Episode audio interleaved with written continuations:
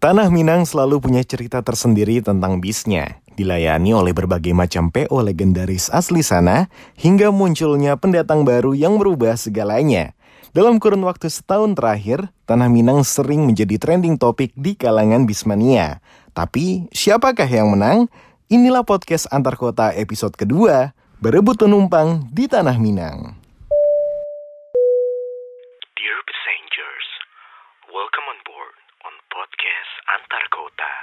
Ya, selamat datang di podcast Antar Kota episode kedua kali ini. Masih barengan sama saya Nugroho Pamungkas dan kali ini di podcast Antar Kota episode kedua saya mengajak salah satu teman saya yang ini kenalnya udah cukup lama di forum bismania.com atau yang sekarang lebih dikenal dengan nama Bismania Indonesia. Dia ini dulu em, apa ya? Anaknya tuh waduh, touring banget lah. Touring banget, gila gila gila touring banget. Em, pokoknya orang ini terkenal lah namanya di kalangan para Bismania angkatan-angkatan 2010 awal. Langsung saja kita panggil ini dia Arfi. Halo, halo, halo Nuk, halo Nuk. Anak-anak Bismania yang baru kenalnya lo sebagai content creator di YouTube Pirang Di- Dino ya. Ah ya, iseng-iseng aja itu. Iseng-iseng aja. Pirang Dino Iseng-iseng Traveler. aja. Mungkin banyak orang yang bertanya-tanya juga, kenapa namanya Pirang Dino gitu loh. Coba cerita dikit dong Vi, ceritanya kenapa bisa ada nama Pirang Dino gitu. Pirang Dino, Pirang Dino itu sebenarnya ada dua arti. Pirang Dino Traveler itu kan kalau bahasa Jawa ya, kalau bahasa Jawa itu Pirang Dino itu kan berapa hari. Betul. Nah, jadi kalau dicampurin kan ya traveling beberapa hari gitu kan kalau campur-campur gitu kan. Hmm. Tapi sebenarnya artinya itu di gambarnya dinosaurus warna warna pirang rambutnya. Hmm. Ya, itu artinya sebenarnya itu. Jadi di gambar dinosaurus itu ada rambut pirang. Nah, itu artinya pirang dino. Bangke. Jadi dinosaurus ber, berambut pirang udah gitu aja. ya. Yes. Yes. Nah itu ya. Tapi kita nggak akan membahas banyak tentang Pirang Dino Traveler eh, kali ini karena kita akan membahas satu judul yang teman-teman udah baca pasti sekarang di eh, Spotify saat mendengarkan podcast ini yaitu berebut penumpang di tanah Minang ya. Kenapa saya mengajak eh, Arfi di sini karena Arfi ini termasuk eh, di era zaman sekarang ya sekitar dua tahun belakangan ini ya Vi sering banget untuk touring ke Sumatera salah satunya eh, di lintas Padang. Boleh cerita dulu dikit. Pertama kali touring ke lintas Sumatera dan ke lintas Padang pertama kali itu kapan dan naik apa? Kalau Sumateranya ini sebenarnya udah lama sih. Sumateranya ini gue 2014. Oke. Kalau Sumateranya aja, tapi waktu itu ke Aceh sih, Medan Aceh aja. Oke. Heeh, naik Sempati. Terus kalau untuk touring ke Padang ini pertama kali itu gua naik NPM. NPM. NPM. Nah, gua itu naik NPM itu sebenarnya ada ceritanya juga. Nah, kenapa tuh? Jadi jadi gue itu sebenarnya tujuannya mau naik yang jumbo non AC. Ah, gue jumbo non AC, gue udah janjian sama mandornya, sama agen juga. Udah ngincer, oke naik yang jumbo non AC. Sip, udah deal. Sampai hari H jumbonya berangkat. Jumbo berangkat, ternyata sampai tol Pulau Gebang storing. Ya. Jumbonya storing, ya. Terus? jumbonya storing gue dikabarin bang sorry jumbonya nggak bisa berangkat tapi kita ganti yang AC tenang tiketnya nggak ditambah seatnya nggak dipindah Hmm. penumpang lain seneng cuma gue doang yang protes gue pengen batalin aslinya Oke, ini sering kejadian juga sama eh, apa ya? Bismania Bismania yang touring ke lintas Padang ataupun lintas Sumatera gitu ya, storing di tengah jalan, di oper dan segala macam yang sebenarnya kalau dinalar oleh penumpang normal ya seneng naik kelas, ya kan? Naik kelas iya nggak bener nggak nambah bayar apa pun Tapi kalau anak Bismania itu pasti kesel. Oke, tapi pengalaman pertama itu naik NPM ya, Vi ya? Kalau Jakarta Padang iya, kalau Hmm. ke Padangnya sendiri itu kalau nggak salah ya 2017 sama Kang Reski namanya. Oke, Kang Reski. Heeh, itu tapi trek Bengkulu Padang sih. Oh, Ke Padangnya. Padang. Oke. Heeh. Oke, oke, oke. Itu juga salah satu trek yang em, hangat gitu ya. Maksudnya lagi rame juga persaingannya tapi em, kita akan membahas kali ini tentang eh, lintas Jakarta Padang gitu ya. Nah, selama udah beberapa Hmm. kali touring ke lintas Padang nih, Vi. Setahu lo aja ya, setahu lo aja karena lo bukan Iya, iya. orang Padang asli dan juga nggak tinggal di sana, tapi setahu lo aja karakteristik eh, penumpang Padang itu kayak gimana sih dan biasanya mereka pengennya bis yang seperti apa sih?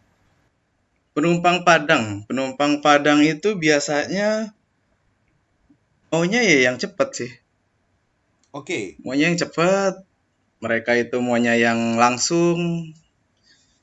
Dan penumpang Padang itu terbagi sih ya kalau gua ngeliat sih.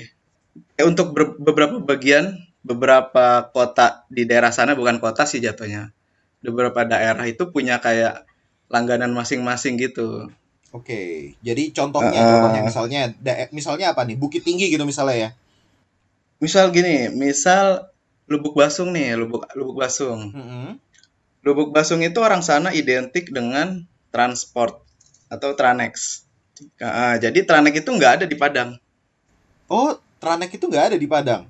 Tranex itu nggak masuk Padang. Dia Solok langsung Lubuk Basung Oke. gitu. Nah terus khusus kayak misalnya pesisir, pesisir itu air haji itu ada Family Raya di situ berjaya dia. Kecuali kalau kota, kalau kota kayak Padang atau Bukit Tinggi itu ya umum lah. Raja-rajanya udah tahu kan pasti. Udah tau lah, kayak ANS, iya. betul ANS, NPM gitu-gitu ya, Vi ya. Mungkin kalau mau dibahas, misalnya mirip-mirip di daerah Jawa gitu ya, Solo, Wonogiri, Karanganyar itu satu karesidenan eh, Solo Raya gitu ya. Tapi karakteristik pasarnya juga beda-beda gitu ya, Vi ya. Mungkin di. Padang juga mungkin seperti itu ya. Nah, terus kalau untuk penumpang itu sebenarnya mereka cari yang nyaman sih, cari yang nyaman, cari yang cepat. Hmm. Bahkan Jumbo aja dulu non AC itu sebenarnya nyaman karena no- karena non AC tapi ada toiletnya. Hmm. Eh ada toilet apa enggak ya? Gua agak lupa deh. Pokoknya mereka punya pasar sendiri sih, punya pasar sendiri lah kalau mereka itu. Oke, nah kan karena gua nih buta banget tentang lintas Padang gitu ya. Em, sekarang juga perkembangannya udah jauh lebih banyak tol. Tolnya sekarang sudah sampai Palembang ya. Terus Hmm. waktu tempuh jelas lebih cepat. Tapi kalau dulu nih, dulu sebelum ada perkembangan tol, terus juga eh, Hmm. perkembangan fasilitas yang kayak sekarang, yang paling megang banget di daerah eh, Padang untuk khususnya lintas Jakarta Padang nih apa sih gitu kayak kalau orang pengen ke Padang udah langsung nama pertama kali yang muncul adalah PO itu. Nah, PO-nya apa, Vi? Eh, yang setahu gue sih itu dua nama itu sih. Eh, NPM sama ANS sih udah udah kayak orang udah bakal oh ya udah gue kalau ke Padang naik NPM ke Padang naik ANS ya mungkin karena mereka kan pemain lama juga sih udah Hmm. udah punya pasar pasar tetap lah bisa dibilang mereka itu Perkembangannya kan juga di tahun 2020 atau sampai 2021 ini kan lintas Minang ini jadi trending topik lagi nih. Apalagi saat itu ada gebrakan MPM ya. MPM yang ngasih eh, Lekres Jakarta Padang Lekres pertama kali nggak sih untuk di kelas eksekutif itu? iya dia dia itu pelopor sih bisa dibilang Pelopor pelopornya pelopor eksekutif Iya. pakai lekres di lintas Jakarta ah. Padang ya. Oke. di lintas Jakarta Padang Dia juga pakai langsung pakai sasisnya Hino ya dibandingin yang lain masih Mm-mm. pada pakai Mercy meskipun Mercy yang Mercy cooler tapi dia Hino pertama kali juga ya. dia sebenarnya bukan Hino Hino pertama sih Hmm. Hino pertama kan ada Family Raya kalau tahu. Oh iya benar. Dan bahkan eh, Family Raya Hinonya Hino Aka ya. iya dia sampai Solo lagi saya lu bayangin tuh Loh iya bener. Rasanya kayak naik AC tarif biasa eh, Padang Solo. Ah, nggak ngerti deh gue. Ya, tapi eh, lu setuju nggak kalau misalnya peningkatan fasilitas persaingan antar PO ini makin ketat setelah MPM muncul di pasaran? Setelah MPM muncul, salah satunya mungkin iya sih ya. Setelah MPM muncul, terus penumpang nyari yang nyaman, harga tiket juga nggak beda jauh. Cuma kayaknya faktor tol juga mempengaruhi deh, kayaknya sih. Faktor tol dan juga kenyamanan ini yang bikin jadi makin panas persaingan di lintas eh, Minang gitu ya ibaratnya ya. Eh, kita akan mulai spesifik lagi nih. Eh, tadi kita udah nyinggung MPM, eh, ANS, NPM. Kalau kita eh, kerucutin aja deh, lima besar PO yang saat ini megang di lintas Padang menurut Arfi apa aja? Yang pertama, Lima besar ini sebenarnya bukan lima besar sih. Kalau kayaknya kalau tiga besar tuh hmm, NPM, hmm, ANS, hmm, sama MPM. Cuma sebenarnya Tranex juga masuk sih. Tranex itu punya pasar tersendiri. iya, Tranex, Tranex sama Family Raya paling. Family Raya. Ini versi gue ya. Eh nggak apa-apa. Kalau Gumarang Jaya gimana menurut lo? Untuk menguasai sih dia kayaknya belum terlalu sih. Masih berangkat satu dua gitu sih. Oh, Cuma termasuk salah satu yang rutin dia. Itu Gumarang Jaya itu ada beberapa yang cooler loh. Lu oh, jangan salah. Ah, ah, jadi cooler itu dirombak eh, pasang body. Jadi body elektrik tapi mesinnya cooler. Oh, begitu. Ah. Itu ceritanya. Yes. Oke. Gue pernah ngeliat di salah satu jet bus tiganya dia. Oh, gitu. Makanya Eh, overhang overhangnya masih overhang elektrik, tapi itu Yes, dalamnya betul. cooler. ya kalau yang gue lihat waktu itu sih gitu. Oke. Dalamnya cooler.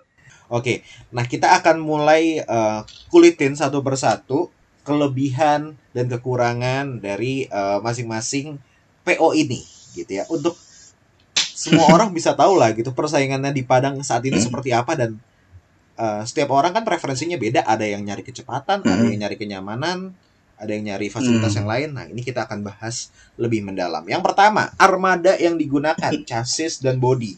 NPM rata-rata menggunakan 1526 Mercy.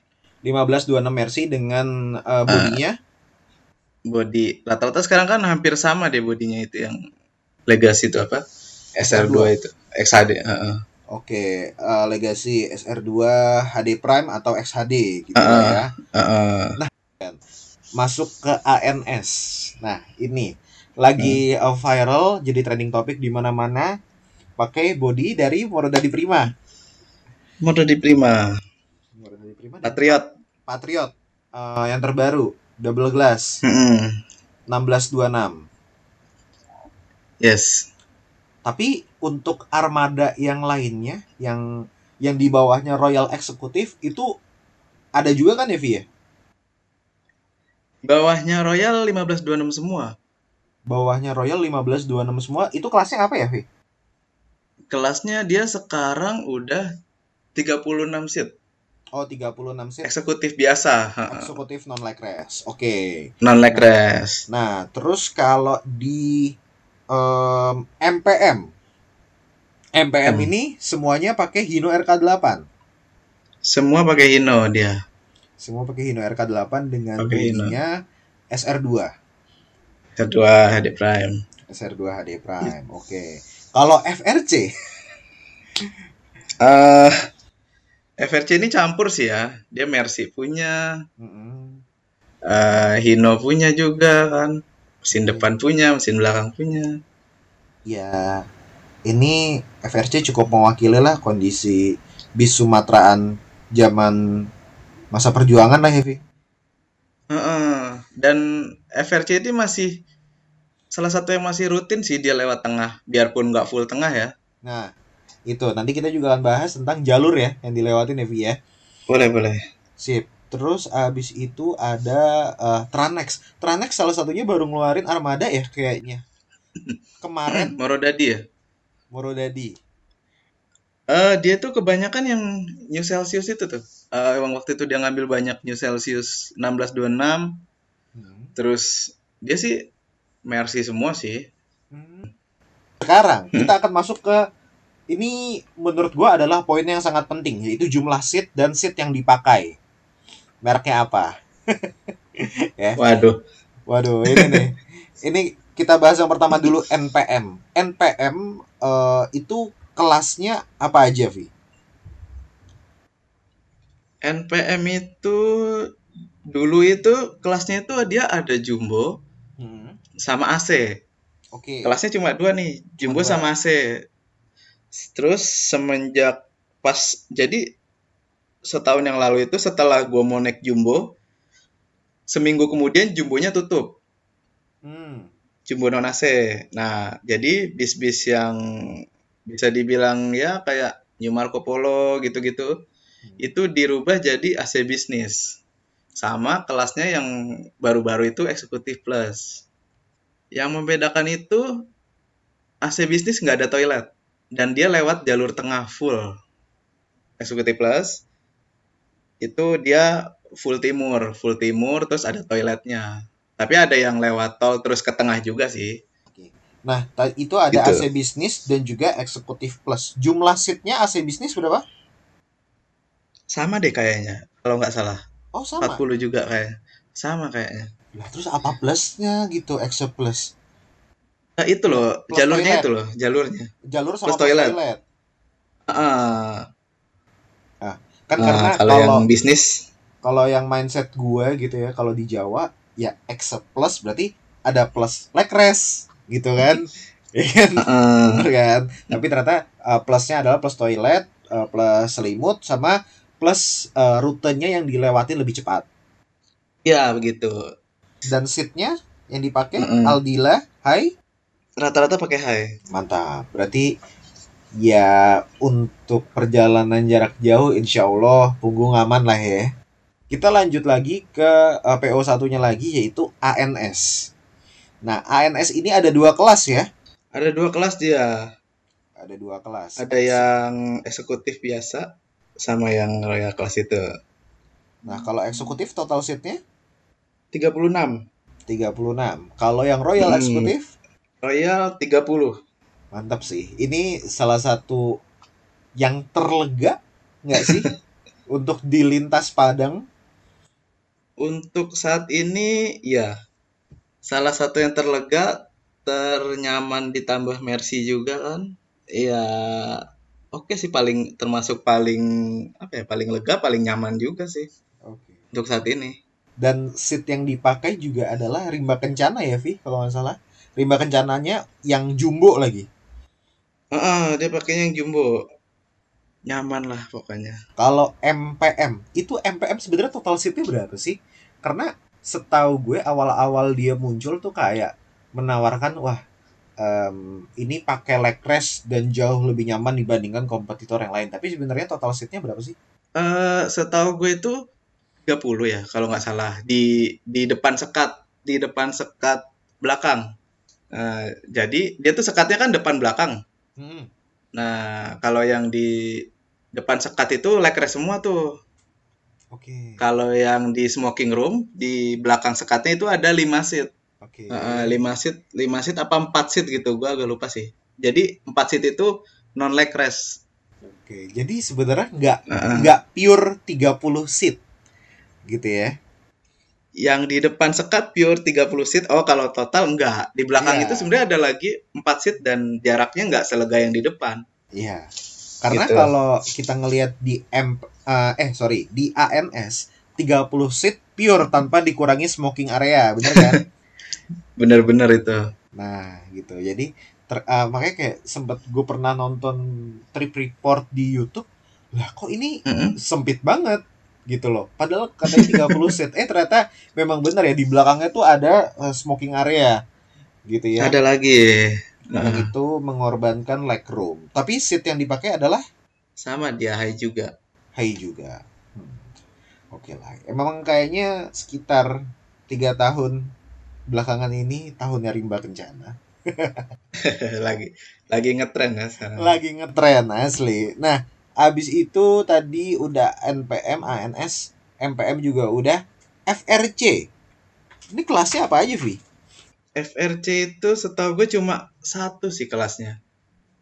Cuma eksekutif. Dua-dua semua dan yang ngebedain tuh sekarang kelasnya cuma ini. Lintasnya. Lagi-lagi jalur yang ngebedain kelas. Kalau Gumarang dan transport ini dia Sama semua. Jumlah seatnya sekitar berapa sih, Vi? 40, Sekitar enggak sih kayaknya 36 38 ya kalau nggak salah. 36 atau 38. Jadi Gumarang, Heeh.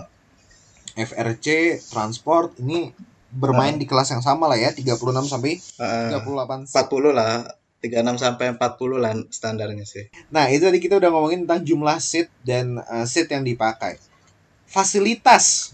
Nih, ini fasilitas juga Mhm. salah satu hal yang penting kan untuk para penumpang. Fasilitas yang didapat apa aja? Kalau NPM ada apa aja fasilitasnya?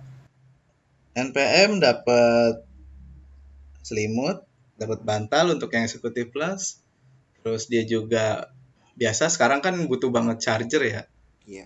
USB port port USB juga ada dia. Ya, Udah. untuk aja. sekarang s- ah, standar sih standar ya charger ya selimut, bantal. Kalau yang bisnis kayaknya nggak dapet deh, nggak ada. Nah, kalau ANS Kalau yang eksekutif biasa nih, yang biasa dia ada charger juga sih dia. Cuma ya dia membedakan kan nggak ada leg rest. Nah, terus kalau pas gua naik eksekutifnya sih, waktu itu kan gua naik belum ada royal. Itu dia nggak dapet snack. Oke. Kalau yang pas gue naik royal, royalnya itu dapet snack. Ini juga kayaknya satu-satunya PO lintas Padang yang ngasih snack ya, Vi ya? Mhm. Eh, bisa dibilang iya sih satu-satunya sih sekarang kayaknya. Iya. Gua karena- gua nggak terlalu update sih ya, cuma Iya. ada pernah denger itu kami sayo itu dapat snack juga. Wah iya, kami sayo KMS ya. Eh kalau MPM ada fasilitas apa Vi? MPM, MPM itu standar sih ya, standar rata-rata sama sih. Kalau yang eksekutif itu dapat leg rest. Gua kalau yang kalau yang dua eh yang 30 seat gua belum pernah naik sih ya, nggak tahu sih dapat snack atau enggak. Cuma kalau untuk yang biasa itu rata-rata sama sih. Ya ada USB, port USB, ya bantal, selimut, sama sih semua sekarang. Oke. Nah em, itu fasilitas. Berarti kalau misalnya boleh dibandingin fasilitas yang emang paling menang adalah di eh, ANS untuk kelas yang Royal Eksekutif karena dapat leg rest, terus juga dapat Heeh. snack ya. Karena Dapat snack juga. perkara snack doang tuh orang bisa berantem gitu kalau di Jawa sih ya. Kayak, Iya, "Oh, bener, ini yang, bener, yang bener. ini nggak pakai snack itu bisa bisa jadi rame lah di grup Facebook gitu. Nah, Bener, terus bener, bener. juga yang Bener, bener. menjadi per per apa ya perbincangannya orang-orang kalau jalan di lintas Sumatera gitu terutama adalah berhenti di rumah makan. Hmm, iya Nah, iya nih, kalau- sempat trending nih. Sempet trending juga nih ya kan perkara kagak bawa duit lah makanannya mahal lah tapi eh, gue langsung aja pengen nanya ke lo selama naik NPM ANS MPM Gumarang Jaya Family Raya Transport yang paling enak rumah makannya dan paling worth it harganya pas naik apa Hmm, sebenarnya eh, gue juga belum pernah naik semuanya banget sih ya. ya Cuma menurut gue sih ANS oke. Kalau ANS itu di Palapa dia. Dia beda sendiri kan. Dia nggak di KA Omega juga oke. Omega enak. Omega kan ada NPM, Tranex. ya kalau Omega ibaratnya ya cukup mewakili yang lain lah ya cuman kalau yang paling beda sendiri nih Palapa ya Kalau gue sih suka Palapa, eh mungkin nggak semua orang sama sih ya ke gue. Kalau gue itu waktu itu di sebelah gedungnya itu ada kayak saung-saung gitu kan. Hmm. Eh, terus di situ tuh dia menyediakan kayak ayam goreng yang digoreng dulu gitu, fresh gitu kan. Oke. Nah, di situlah gue sukanya. Jadi dengan harga 25.000 minum, nasi, ayam, nah menurut gue sih makan anget dengan makanan yang anget gitu oke sih. Ya murah nggak sih itu hitungannya untuk di lintas Sumatera? Iya, sebenarnya termasuk murah sih. Karena kan kita kalau untuk Sumatera kebanyakan apa ya masakan Padang lah ya wajar sih. Iya, oke. Terus pas gua ke situ, terus gua nemu oh ada pecel ayam gitu kan dan digoreng dulu ya menurut gue itu salah satu nilai lebih sih buat gua sih. Oke. Jadi yang paling berkesan rumah makannya adalah ya rumah makannya perjalanan bareng ANS ya, Vi ya. Cuma kalau memang rumah makan yang enak banyak sih Sumatera itu kayak Iya. Omega enak Mega. gitu kan. Nah, itu tadi ya ya intinya sebenarnya ada lah ya rumah makan yang murah dan enak gitu ya. Sebenarnya tuh ada sih. Ada nggak semuanya yang mahal. Oke, tadi eh, Arfi juga udah sering ngomongin tentang lintas tengah, lintas timur. Ini buat pendengar yang belum tahu, lintas tengah itu lewatnya mana, Vi? Lintas tengah itu kalau yang full itu dia dari Lampung itu ke ini dia mana? Arah Lahat, terus dia lewat Batu Raja, Lubuk Linggau, baru dia ketemu di Sarolangun. Jadi kalau misalnya yang lintas timur itu kan dia lewat Palembang. Kalau ini nggak lewat Palembang dia. Oke, jadi Heeh. lintas tengah ini ibaratnya lebih nyeser lah ya. Nyeser dia lewat Martapura, lewat Batu Raja, terus Lahat, dia lewat Lubuk Linggau juga, baru dia Sarolangun. Ya sama sih, eh, nanti ketemu juga di, pada akhirnya kan cuma bedanya lintas tengah lebih ya jalurnya lebih sempit, lebih lika-liku gitu. Lewat Simpang Meo juga yang terkenal dulu itu banyak ya gitu deh kejahatannya dulu. Oh. Eh, tapi eh, kalau yang lintas timur berarti full tol sampai Palembang ya, Vi ya? Yang lintas timur full tol sampai Palembang dia. Tuh. Dia lepas Palembang, jos langsung dia betung, langsung di Muara Bulian dia belok kiri. Ya, jadi em, ini sebenarnya kalau dianalogikan di jalur Jawa gitu ya. Mungkin mirip sama Hmm. Jakarta Surabaya yang satu via tol Trans Jawa, yang satu via Pantura. Ah, bisa begitu juga. Ya karena dulu kan pada lewat Tuban juga kan, Iya, jalur benar. jalur utamanya dulu. Iya, benar. Jadi ibaratnya lintas timur ini baru baru terbentuk setelah tol ada berarti Vi atau sebelumnya juga sempat ada. Sebelumnya itu sebenarnya pemain tetapnya ANS di sana. ANS itu memang sudah full timur. Oh, oke. Sebelum tol ada ya. Sebelum tol ada ANS, ANS, Bintang Kejora, Mm-mm. eh, Gumarang Jaya itu pemain-pemain full timur walaupun nontol ya. Nah, dari berarti dari eh, top 3-nya ini NPM, ANS, MPM itu yang lewat lintas tengah. Tinggal N, NPM. Sisanya full timur, tapi ada tapinya. Jadi NPM itu cuma yang bisnis kelas yang full tim eh full tengah. Dan bisnis kelas itu kan jarang jalan sih sebenarnya, jarang jarang jalan juga. Terus paling N itu ada yang tengahnya itu keluar tol lewat Prabu Mulih dia. Terus baru lewat tengah, nggak yang tengah dari bawah gitu loh. Dia tetap lewat Palembang tapi lewat Kayu Agung kalau nggak salah. Terus ke Prabu Oke. Mulih ke tengah deh. Oke, tapi kalau dari segi waktu tempuh seberapa beda jauh sih Vi lewat tengah sama lewat timur? Eh kalau lewat tengah sama timur ya, gini. Lewat tengah nih ya, 40 jam. Kalau ini kan cuma lewat tol sekarang tuh cuma 24 jam, paling lama 30 jam paling sekarang. Gitu sih. Jauh banget bedanya. Selisih jamnya jauh banget ya berarti ya. Parah jauh banget. Parah. Tapi kalau yang Gumarang terus FRC sama Transek itu yang masih lewat tengah siapa? Eh, kalau Tranek masih dia kadang kadang lewat tengah. Eh, sekarang sih kebanyakan lewat timur ya. Cuma ada yang dia ke tengah juga itu kalau nggak salah sama lewat Prabu Muli. Nggak ada yang full sih dia. Terus kalau FRC, FRC ada yang full tengah. Ada juga yang lewat Prabu Muli. Terus ada juga yang kelas khususnya dia lewat timur yang baru sih. Oke. Jadi ya i- rata-rata udah lewat timur jadinya Hmm. aman lah ya secara Hmm. secara secara apa namanya secara waktu tempuh udah boleh dibilang 11-12 lah semua PO ini. Mm-mm. Masalah harga, masalah harga nih. Ini cukup sensitif dan juga menjadi triggernya Hmm. adalah eh, mungkin M- MPM termasuk yang gebrak harga juga ya waktu itu ya Vi ya.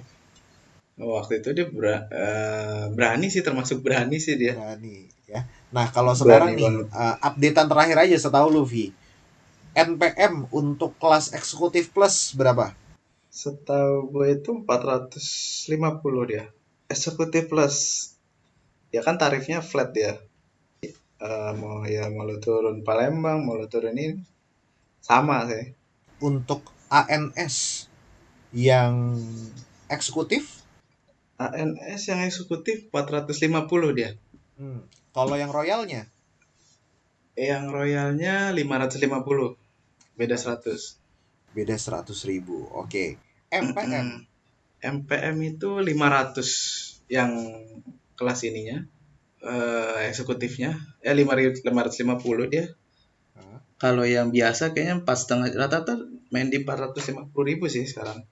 Rata-rata di 450.000 ribu untuk kelas yang ibaratnya Eksekutif. eksekutif 36 38 seat lah ya.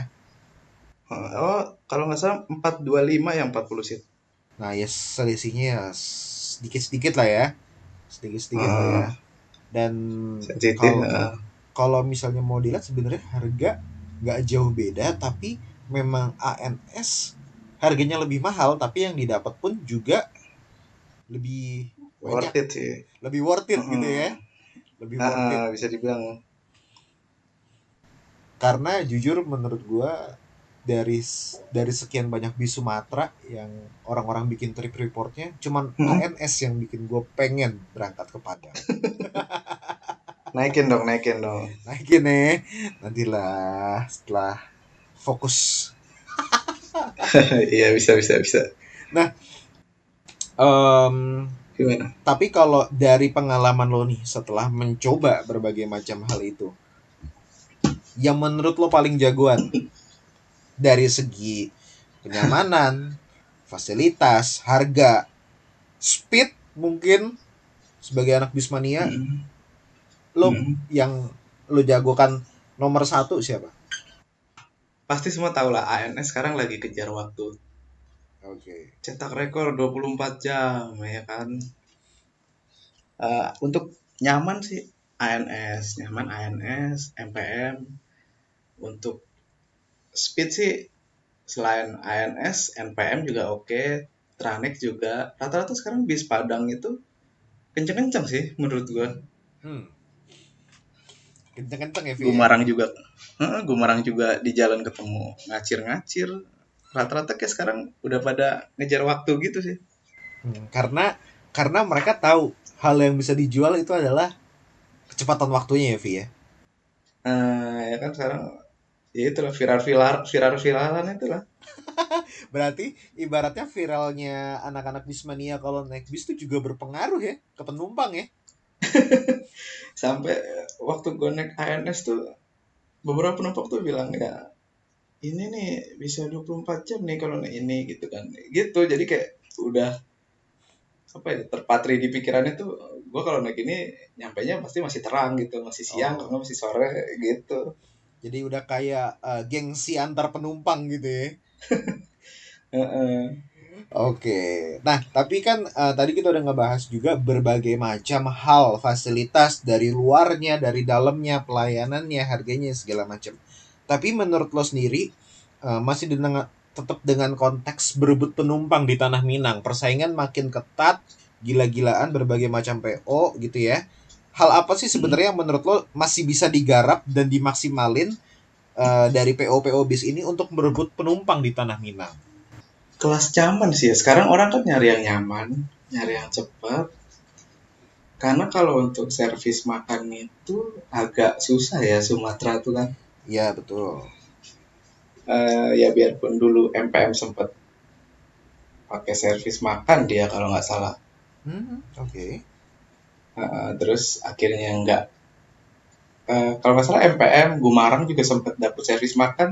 Nggak tahu sekarang masih apa nggak kalau Gumarang itu termasuk yang bikin apa ya beda aja sih penumpang apalagi harganya kan makin ke sini makin bersaing nggak beda jauh gitu Yang Ah. paling bisa diangkat sebenarnya apa nih? Eh, main di kelas nyaman sih. Punya pasar tersendiri sih. Kan sekarang masih kayak ya satunya satu kelas selangjoran satunya biasa gitu loh. Sebenarnya ya untuk kelas itu punya pasar tersendiri sih. Apalagi di masa pandemi gini, ibaratnya orang mau naik pesawat males karena harus tes ini itu Dan mulai banyak ya mu- mungkin udah ban- beberapa orang pindahan dari pesawat ya Vi? oh penumpangnya banyak. Penumpangnya bis. Banyak kayaknya sekarang. Kan selain udah lebih cepat juga eh, kayak aku tuh sempat ngobrol sih beberapa penumpang dia. Eh, dia tuh memang orang kayak dari orang Basung gitu kan kalau naik pesawat kan harus ke Padang dulu gitu. Terus ya kalau bis sekarang bisa lebih cepat dan lebih murah kenapa enggak gitu kan. Bisa lebih nyaman juga. Iya yang nggak lebih cepat sih cuma ya dibanding yang dulu kan sekarang. 24 jam. Eh, kalau em, dari lo sendiri terakhir nih wishlist untuk bis Padang yang belum kesampaian dari lo dan pengen banget naik apa? Bumarang sama kami saya Kami sayo KMS. Iya. Armadanya udah double glass itu ya Vi ya. udah udah keren-keren semua ada yang 28 seat juga Wow, menarik. Ya udah, buruan dinaikin Vi. Segera lu daripada touring eh ya tapi emang touringnya Arvi ini emang aneh-aneh sih gitu maksudnya ada aja gitu naiklah putra remaja super eksekutif baru tahu gua ada itu putra remaja super eksekutif. Itu banyak yang nanya loh sama gue serius. Ya emang lah nih eh Arvi ini emang bismania yang nyeleneh juga. Teman-teman gue isinya bismania nyeleneh semua naik bisa aneh-aneh.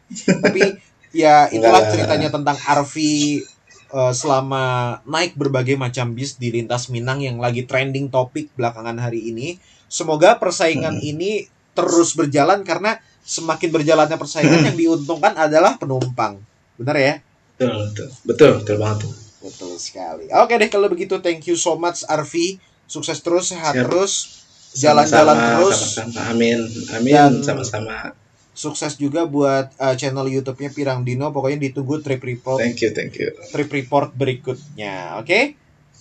Thank you thank you thank you Thank you. Dan juga um, terima kasih buat lo yang udah mendengarkan podcast antar kota episode kedua kali ini. Kalau misalnya ada uh, request pengen membahas apa langsung aja komen di Instagram gue di @oho.pamungkas atau bisa juga ke Facebook di Nugroho Tripamungkas. Sampai jumpa di podcast antar kota episode berikutnya. Terima kasih sudah mendengarkan podcast Antar Kota. Jangan lupa untuk share ke teman-teman kamu untuk dengerin podcast ini. Kalau misalnya masih belum seru, ya maaf, namanya juga masih usaha.